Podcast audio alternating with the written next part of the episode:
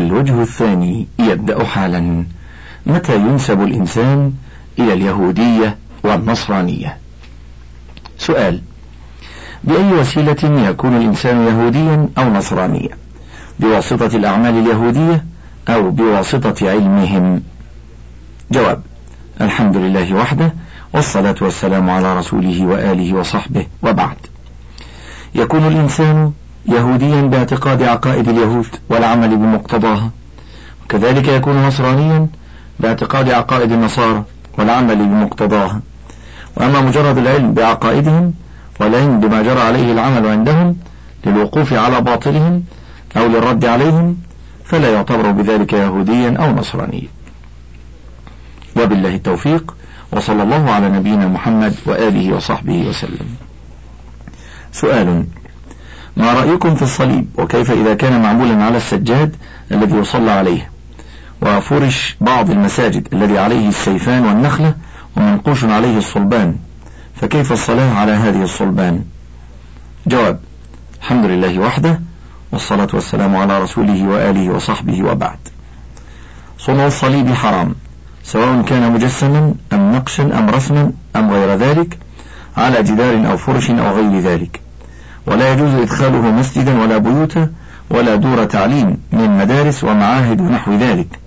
ولا يجوز الإبقاء بل يجب القضاء عليه وإزالته بما يذهب بمعالمه من كسر ومحو وطمس وغير ذلك. ولا يجوز بيعه ولا الصلاة عليه.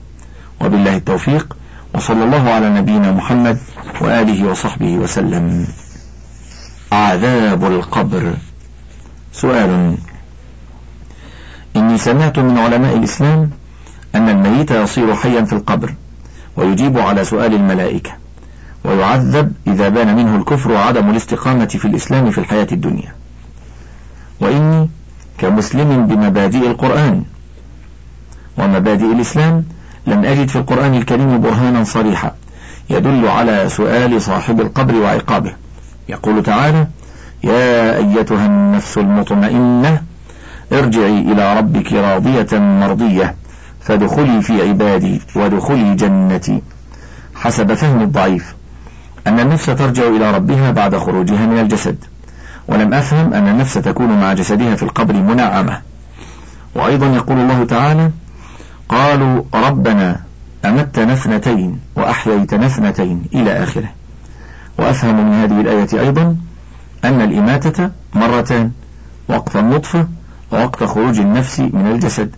كما أفهم أن الإحياء مرتان الحياة في بطن الأم ووقت البعث. ولم أفهم من الآية إشارة تدل على سؤال القبر وعذابه. يقول تعالى قالوا يا ويلنا من بعثنا من مرقدنا إلى آخره. وهذا يدل على أن الكفار نائمون والنوم في القبر ينافي العقاب فيه. وبالنهاية أرجو يا صاحب الفضيلة أن أجد منكم جوابا شافيا لظمئي كما كانت إجاباتكم الدينية دائما. جواب الحمد لله وحده والصلاة والسلام على رسوله وآله وصحبه وبعد.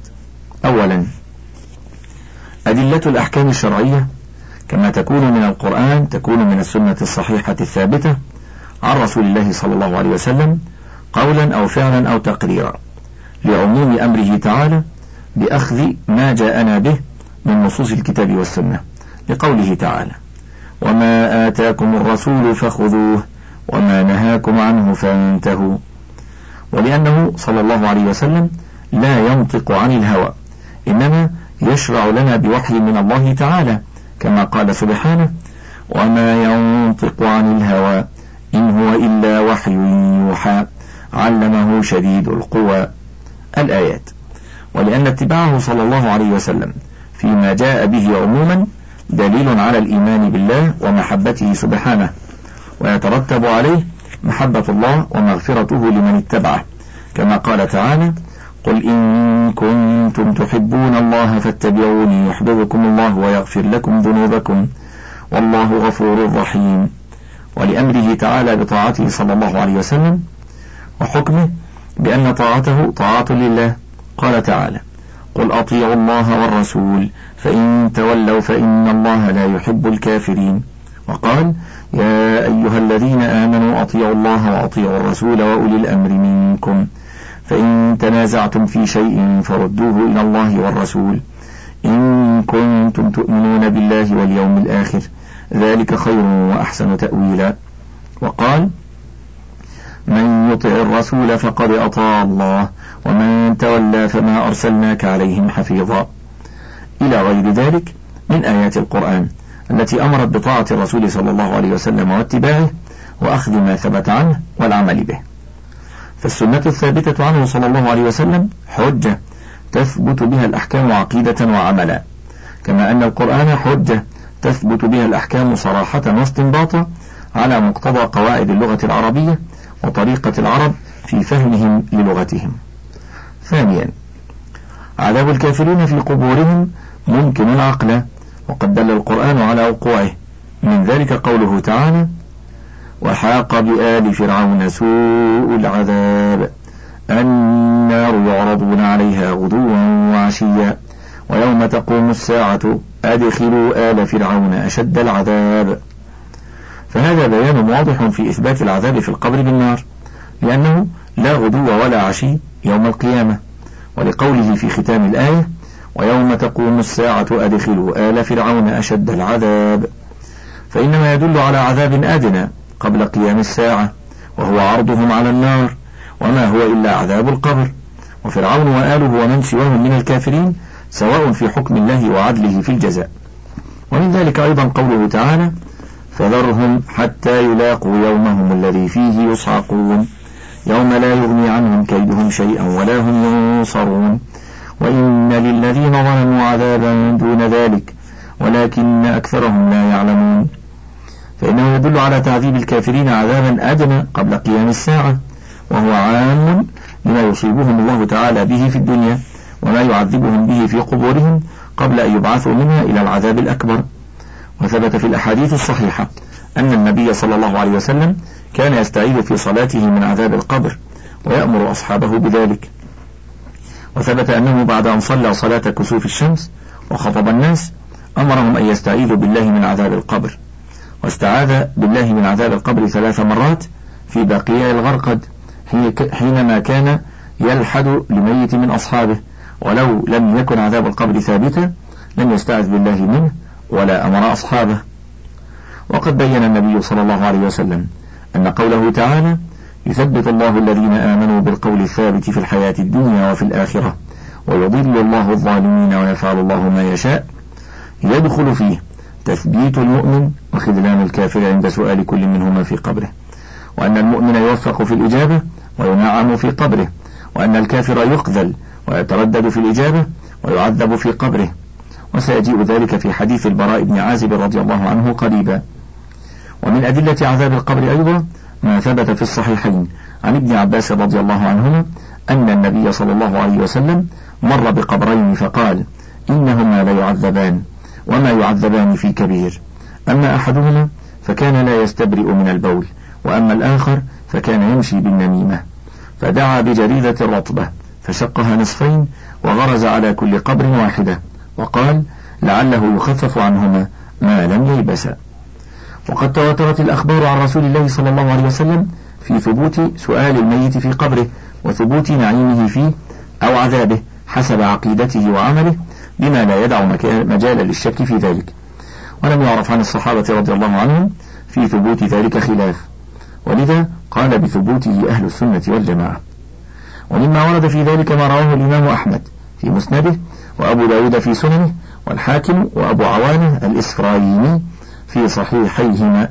عن البراء بن عازب رضي الله عنه قال كنا في جنازة في بقيع الغرقد فأتانا رسول الله صلى الله عليه وسلم فقعد وقعدنا حوله كأن على رؤوسنا الطير وهو يلحد له فقال أعوذ بالله من عذاب القبر ثلاث مرات. ثم قال إن العبد المؤمن إذا كان في إقبال من الآخرة وانقطاع من الدنيا نزلت إليه الملائكة كأن على وجوههم الشمس معهم كفر من أكفان الجنة وحنوط من حنوط الجنة فجلسوا منه مد البصر ثم يجيء ملك الموت حتى يجلس عند رأسه فيقول يا أيتها النفس الطيبة خرجي إلى مغفرة من الله ورضوان.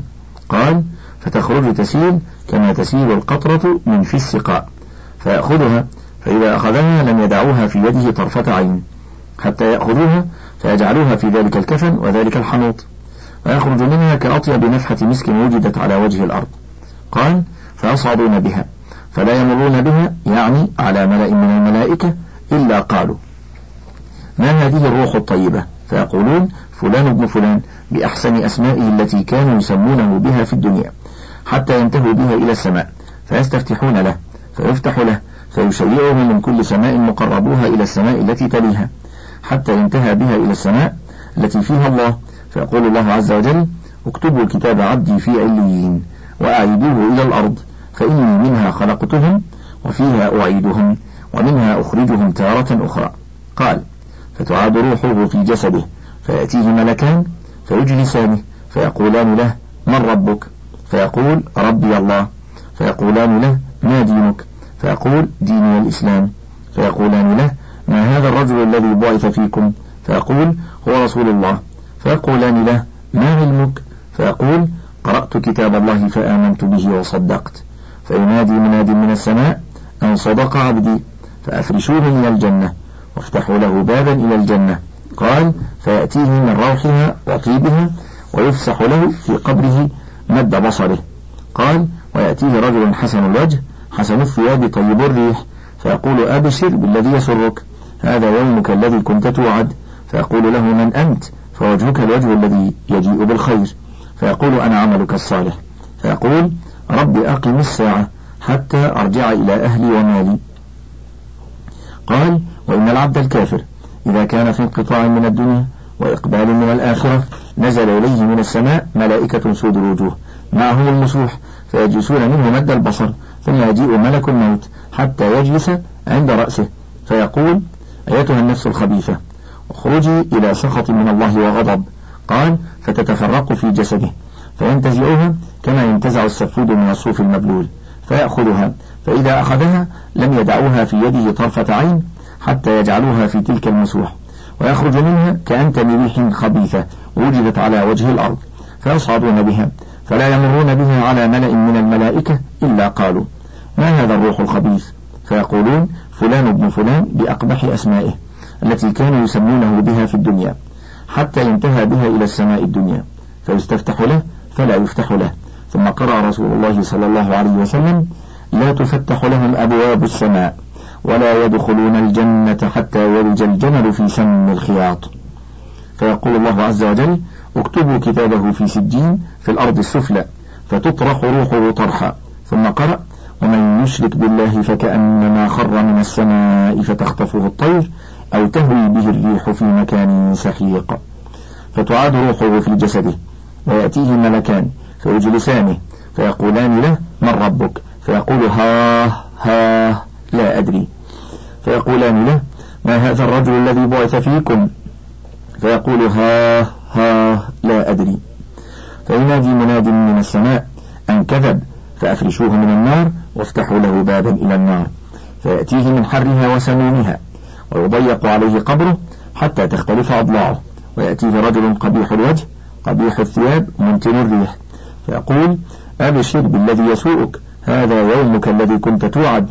فيقول من أنت؟ فوجهك الوجه الذي يجيء بالشر. فيقول أنا عملك الخبيث. فيقول رب لا تقم الساعة. انتهى. ثالثا ليس بمحال في المعقول أن تسأل الملائكة الموت في قبورهم. وأن يجيبهم الأموات أو يخذلوا جزاء وفاقا بما قدموا. وليس ببعيد في عظيم قدرة الله تعالى وعجائب سننه الكونية أن ينعم المؤمنون في قبورهم ويعذب الكافرون فيها. فإن من أمعن النظر في الكون وضح له عموم مشيئة الله ونفاذها وشمول قدرته تعالى وكمالها وإحكام خلقه ودقة تدبيره وإيداعه لما صوره سبحانه وإبداعه لذلك. وسهل عليه اعتقاد ما وردت به النصوص الصحيحة في سؤال المقبورين ونعيمهم أو عذابهم.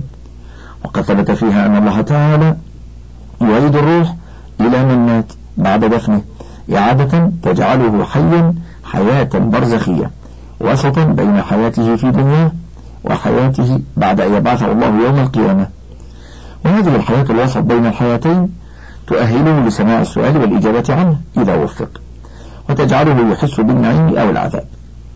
وقد تقدمت الأحاديث في ذلك ولله في تدبيره وخلقه شؤون لا تحيط بها العقول لقصورها ولا تحيلها بل تحكم بإمكانها وإن كانت تحار في تعليلها وتعجز عن الوقوف على كنهها وحقيقتها وعن معرفة مداها وغاياتها فعلى الإنسان إذا عجز عن شيء وخفي عليه أمره أن يتهم نفسه بالقصور ولا يتهم ربه في علمه وحكمته وقدرته. وما ذكر في السؤال من الآيات لا يتنافى مع سؤال الميت في القبر ونعيمه أو عذابه. أما قوله تعالى يا أيتها النفس المطمئنة ارجعي إلى ربك راضية مرضية فادخلي في عبادي وادخلي جنتي فإنه خطاب للنفس عند قيام الساعة لا عند خروجها من البدن في الدنيا.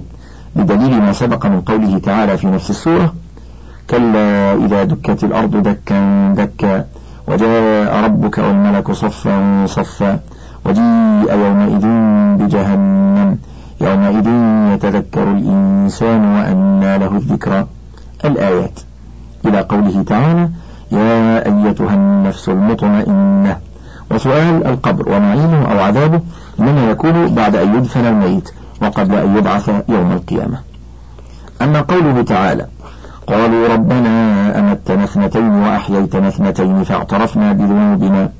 فإخبار من الله تعالى عن قول الكافرين وهم في النار يوم القيامة إنهم كانوا أمواتا قبل نفخ الروح فيهم وهم في الأرحام ثم كانوا أحياء بتقدير الله بنفخ الروح فيهم إلى انتهاء آجالهم في الدنيا ثم صاروا أمواتا من حين انتهاء آجالهم إلى النفخ في الصور نفخة البعث بتقدير الله. ثم أحياهم الله يوم القيامة والنشور. فجرى عليهم الموت مرتين والحياة مرتين. وليس موتهم لهم في القبور بمانع من سؤالهم وجوابهم ولا من نعيمهم أو عذابهم. لأن الله يعيد إليهم أرواحهم نوع إعادة يتمكنون بها من سماع الأسئلة والإجابة عنه والإحساس بالنعيم أو العذاب كما تقدم تفصيله ودليله في حديث البراء. وليست هذه الحياة إحدى الحياتين المذكورتين في الآية بل هي حياة خاصة برزخية لا يعلم حقيقتها إلا الله.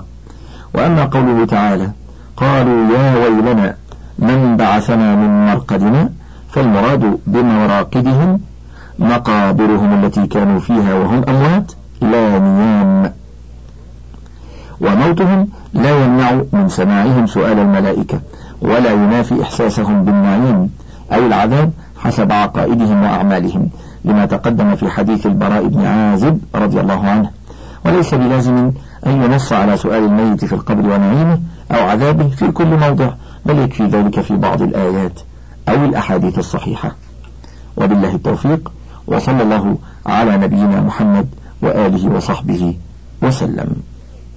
سؤال إذا مات الإنسان ودخل القبر هل يرى النبي صلى الله عليه وسلم؟ وهل يقال له ما نقوله في هذا الرجل؟ والحال قد يموت في الوقت الواحد خلق كثير. وإذا سأله ملكان هل يسألانه بلسانه أو بالعربية؟ أو بالسريانية. الحمد لله وحده والصلاة والسلام على رسوله وآله وصحبه وبعد. إذا مات الإنسان ودفن جاءه ملكان وسأله عن ربه ونبيه ودينه بلغة يفهمها. فالمؤمن يسدد في الجواب دون الكافر ولو تعدد الأموات واتحد الوقت ولا غرابة فالملائكة لهم شأن غير شأن البشر. ولم يرد أن الميت يرى النبي صلى الله عليه وسلم في قبره فيما نعلم. ونوصيك بمراجعة كتاب العقيدة الواسطية لشيخ الإسلام ابن تيمية والأصول الثلاثة لشيخ الإسلام محمد بن عبد الوهاب في الموضوع وغيره زيادة في الفائدة. وبالله التوفيق وصلى الله على نبينا محمد وآله وصحبه وسلم. سؤال ما هو الشيء الذي دل عليه الكتاب والسنة في النجاة من عذاب القبر؟ فهل هناك أحاديث نبوية أو أدعية خاصة نقولها يوميا للنجاة من عذاب القبر؟ إنني قرأت حديثا للرسول صلى الله عليه وسلم عن قراءة سورة الملك يوميا. فكم مرة تقرأ هذه السورة في اليوم؟ ومتى هو وقت القراءة؟ ولكم الشكر. جواب الحمد لله وحده والصلاة والسلام على رسوله وآله وصحبه وبعد. الشيء الذي دل عليه الكتاب والسنة في النجاة من عذاب القبر هو أداء ما أوجبه الله على العبد وترك ما حرمه عليه والإكثار من التوبة والاستغفار وفضائل الأعمال وكثرة الاستعاذة بالله من عذاب القبر. قال تعالى يا أيها الذين آمنوا اتقوا الله حق تقاته ولا تموتن إلا وأنتم مسلمون. وكان النبي صلى الله عليه وسلم يستعيذ في آخر الصلاة من أربع. منها عذاب القبر ويأمر بذلك. أما قراءة سورة الملك للاستجارة بها من عذاب القبر فلا نعلم حديثا صحيحا عن النبي صلى الله عليه وسلم يدل على ذلك. وبالله التوفيق وصلى الله على نبينا محمد وآله وصحبه وسلم. سؤال. قال ابن عباس مر النبي صلى الله عليه وسلم بقبرين فقال إنهما ليعذبان وما يعذبان في كبير. أما أحدهما فكان لا يستتر من البول وأما الآخر فكان يمشي بالنميمة ثم أخذ جريرة رطبة فشقها نصفين فغرز في كل قبر واحدة. قالوا يا رسول الله لما فعلت؟ قال لعله يخفف عنهما ما لم ييبسا رواه البخاري. فهل يصح لنا الاقتداء بالنبي صلى الله عليه وسلم في ذلك؟ وهل يجوز وضع ما شابه الجريدة من الأشياء الرطبة الخضراء قياسا على الجريدة أو يجوز غرس شجرة على القبر لتكون دائمة الخضرة لهذا الغرض؟ جواب الحمد لله وحده والصلاة والسلام على رسوله وآله وصحبه وبعد. إن وضع النبي صلى الله عليه وسلم الجريدة على القبرين ورجاءه تخفيف العذاب. عمن وضعت على قبرهما واقعة عين لا عموم لها في شخصين. أطلعه الله على تعذيبهما. وإن ذلك خاص برسول الله صلى الله عليه وسلم. وإنه لم يكن منه سنة مضطردة في قبور المسلمين. وإنما كان مرتين أو ثلاثة على تقدير تعدد الواقعة لا أكثر. ولم يعرف فعل ذلك عن أحد من الصحابة وهم أحرص المسلمين على الاقتداء به صلى الله عليه وسلم. وأحرصهم على نفع المسلمين إلا ما روي عن بريدة الأسلمي أنه أوصى أن يجعل في قبره جريدتان ولا نعلم أن أحد من الصحابة رضي الله عنهم وافق بريدة على ذلك. وبالله التوفيق وصلى الله على نبينا محمد وآله وصحبه وسلم. أهل البرزخ. سؤال. هل صح حديث إن أهل البرزخ يرى بعضهم بعضا أم لا؟ ويتحدث بعضهم مع البعض. جواب الحمد لله وحده والصلاة والسلام على رسوله وآله وصحبه وبعد. لا نعلم عن النبي صلى الله عليه وسلم في هذه المسألة حديثا يعتمد عليه. وبالله التوفيق وصلى الله على نبينا محمد وآله وصحبه وسلم. البعث يوم القيامة. سؤال كيف يقوم الناس من قبورهم يوم القيامة؟ وكيف يقوم الأنبياء والأقطاب والأبدال؟ ومن أول من يكسى. جواب الحمد لله وحده والصلاة والسلام على رسوله وآله وصحبه. وبعد يعيد الله سبحانه خلق الناس يوم القيامة من عجب الذنب فينبتون منه سويا كما ينبت الزرع من الحب والنخل من النوم ثم يخرجون من قبورهم حفاة عراة غرلا سراعا. كأنهم جراد منتشر أو فراش مبثوث لا يضلون طريق الموقف بل هم أهدى إليه من القطع كأنهم إلى نصب يوفضون. وأول من تنشق عنه الأرض نبينا محمد صلى الله عليه وسلم وهو أول من يفيق من الصعق أما أول من يكسى بعد البعث فخليل الرحمن عليه الصلاة والسلام ويشتد الهول بجميع الناس حتى يقول كل نبي يومئذ نفسي نفسي. ومن قرأ آيات البعث من سورة القمر والمعارج والقارعة وأمثالها. يتبين له الكثير مما تقدم. وثبت في الصحيحين أن النبي صلى الله عليه وسلم قال إنكم محشورون حفاة عراة غرلا. ثم قرأ كما بدأنا أول خلق نعيده. وعدا علينا إنا كنا فاعلين. وأول من يكسى يوم القيامة إبراهيم. وإن أناسا من أصحابي يؤخذ بهم ذات الشمال. فأقول أصحابي أصحابي. فيقول إنهم لم يزالوا مرتدين على أعقابهم منذ فارقتهم. فأقول كما قال العبد الصالح وكنت عليهم شهيدا ما دمت فيهم إلى قوله الحكيم. كتاب بدء الخلق. وثبت في الصحيحين أن النبي صلى الله عليه وسلم قال إن الناس يصعقون يوم القيامة فأكون أول من تنشق عنه الأرض الحديث. وفيهما أيضا إن الناس يصعقون يوم القيامة فأكون أول من يفيق الحديث. وانظر تحقيق الحديثين في شرح الطحاوية عند كلام الطحاوي في أحوال الناس يوم القيامة. وبالله التوفيق وصلى الله على نبينا محمد وآله وصحبه وسلم. سؤال يقول الله تعالى ونفخ في الصور فصعق من في السماوات ومن في الأرض إلا من شاء الله. ثم نفخ فيه أخرى فإذا هم قيام ينظرون. كم المدة بين النفختين؟ ومن هم الذين لا يموتون بين النفختين؟ جواب الحمد لله وحده والصلاة والسلام على رسوله وآله وصحبه وبعد. تحديد مدة ما بين النفختين من الأمور الغيبية التي لا تدرك بالعقل والاجتهاد بل بالسمع عن النبي صلى الله عليه وسلم. ولم يثبت في تحديدها عنه حديث صحيح وإنما ثبت فيها ما رواه البخاري وغيره عن النبي صلى الله عليه وسلم أنه قال ما بين النفختين أربعون قالوا يا أبا هريرة أربعون يوما؟ قال أبيت قالوا أربعون سنة قال أبيت. قالوا أربعون شهرا قال أبيت. ويبلى كل شيء من الإنسان إلا عجب الذنب. منه يركب الخلق. فلم يزد على أن قال أربعون ولم يبين هل هي سنون أو شهور أو أيام. وأما من لا يموتون بين النفختين فالله أعلم بهم. سبحانه. وبالله التوفيق. وصلى الله على نبينا محمد وآله وصحبه وسلم. سؤال. خلال مطالعتي لكتاب الله العزيز وقفت عند آية كريمة هي قوله أفلا ينظرون إلى الإبل كيف خلقت وإلى السماء كيف رفعت؟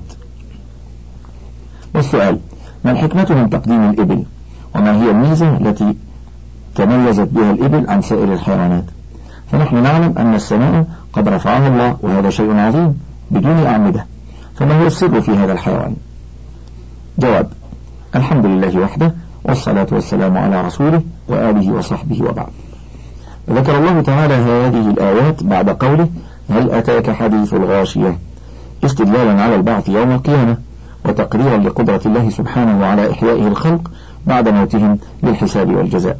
فإن من قدر على خلق الإبل على هذه الآيات العجيبة وخلق السماوات ورفعها بلا أعمدة نراها وخلق الجبال في الأرض تثبيتا لها ونصبها عليها كأنها أوتاد حتى لا تميد بمن عليها من الموجودات وخلق الأرض وتمهيدها حتى تصلح لحياة الخلق فوقها. إن من قدر على ذلك لقادر على أن يحيي الناس وغيرهم من ذوات الأرواح. وإنما قدم الإبل على غيرها من المذكورات لأنها بأيديهم مسخرة لهم يصرفونها كيف شاءوا فيركبونها ويحملون عليها أثقالهم إلى بلاد بعيدة لم يكونوا بالغيها إلا بشق الأنفس ويقطعون بها الفوافي والصحارى مع يسير مؤنتها وصبرها على الجوع والعطش ومع سهولة قيادها للكبير والصغير ومع بروكها ونهوضها ليتمكن الناس من ركوبها وتحميلها كيف شاءوا إلى غير ذلك من المنافع الكثيرة التي يجنونها من اقتنائها من غير مشقة ولا عناء. وقد خصها الله ببديع تركيب في عظامها يساعدها على حمل الأثقال وبطول عنق يساعد على نهوضها بثقيل أحمالها كما يساعدها في سيرها وخصها بأخفاف تساعد على سيرها فيما لا يقوى على السير فيه ذوات الحوافر والأظلاف من الحيوانات. وما يخفى من عجائبها عن الناس كثير. فسبحان من ميزها على ما سواه من الحيوان. وسخرها مع عظيم خلقها ومزيد قوتها لعباده. وذللها لهم رحمة بهم وإعانة لهم على مصالحها. وبالله التوفيق. وصلى الله على نبينا محمد وآله وصحبه وسلم. انتهى الشريط التاسع والثلاثون من فتاوى اللجنة الدائمة وله بقية على الشريط الأربعين.